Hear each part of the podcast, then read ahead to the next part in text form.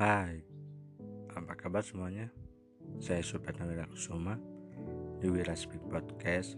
Wira Speak Podcast selalu ada untuk kamu. Podcast ini akan selalu membicarakan apa pun yang perlu diangkat sebagai topik pembicaraan. Selamat mendengarkan. Innalillahi wa inna ilaihi rajiun.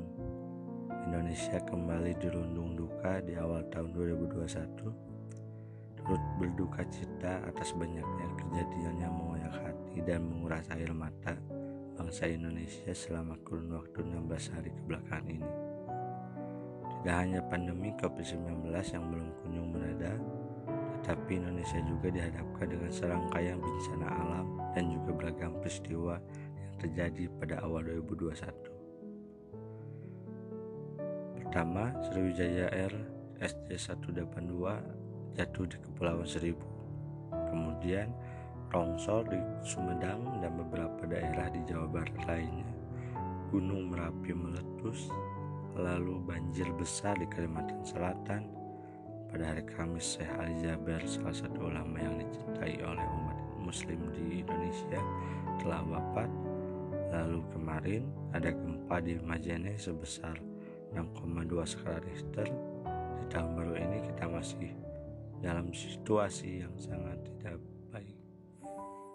Seperti yang sudah kita ketahui dari banyaknya pemberitaan-pemberitaan di awal tahun 2021 banyak peristiwa dan bencana alam yang terjadi dan mendadak dan tidak dapat kita duga sebelumnya. Di tahun baru ini, padahal kita sudah banyak berdoa agar di tahun yang baru ini di tahun 2021 itu bisa menjadi tahun penawar pilu dari tahun-tahun sebelumnya dan sebagai titik balik agar semuanya kembali normal kembali. Masyarakat Indonesia terpaksa harus dihadapkan dengan banyaknya peristiwa dan bencana yang terjadi sehingga kita harus terus-terus menerus bersabar dengan banyaknya peristiwa dan bencana yang terjadi di awal tahun. Menurut artikel data dari databox.katadata.co.id dalam artikelnya yang dirilis pada 10 Januari, ada 76 kejadian bencana alam pada awal 2021 ini. Dari data yang diterbitkan kejadian bencana alam menurut jenisnya pada 1 sampai 10 Januari 2021 yang diambil dari data BNPB 10 Januari per 10 Januari 2020. Hingga 10 Januari terdapat 76 kejadian bencana alam, antara lain 49 kejadian banjir, 15 tanah longsor, 11 puting beliung, dan satu gelombang pasang dan abrasi. Pada peristiwa-peristiwa bencana alam ini telah memakan banyak korban.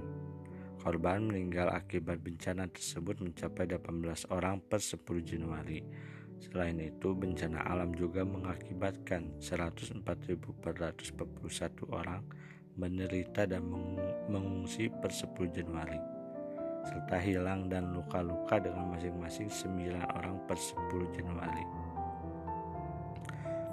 Dalam hidup ini, kita semua pasti pernah mendapatkan dan ditimpa sebuah ujian dan masalah dalam hidup. Tak peduli apakah cobaan itu cobaan yang besar atau kecil, jika dikatakan sudah pernah, itu artinya kejadian tersebut sudah kita semua lalui. Masalah hidup yang datang silih berganti adalah warna kehidupan yang harus kita syukuri. Ada sebuah ayat yang bagus untuk untuk menjadi penyemangat kita dari tertimpa musibah, yaitu karena sesungguhnya sesudah kesulitan ada kemudahan, karena sesungguhnya sesudah kesulitan ada kemudahan. Quran Surat Al-Insyirah ayat 5 sampai 6. Jadikan cobaan sebuah pelajaran agar kita bisa introspeksi diri. Siapa tahu kita pernah berbuat salah. Jangan pernah mengeluh karena kesusahan, karena di situ kita diajarkan untuk menjadi orang yang sabar. Hadapilah nikmat dengan syukur dan terima kasih mus dan terimalah musibah dengan rasa sabar. Saya Supriyatna Wirakusuma undur diri. Sampai jumpa di episode berikutnya.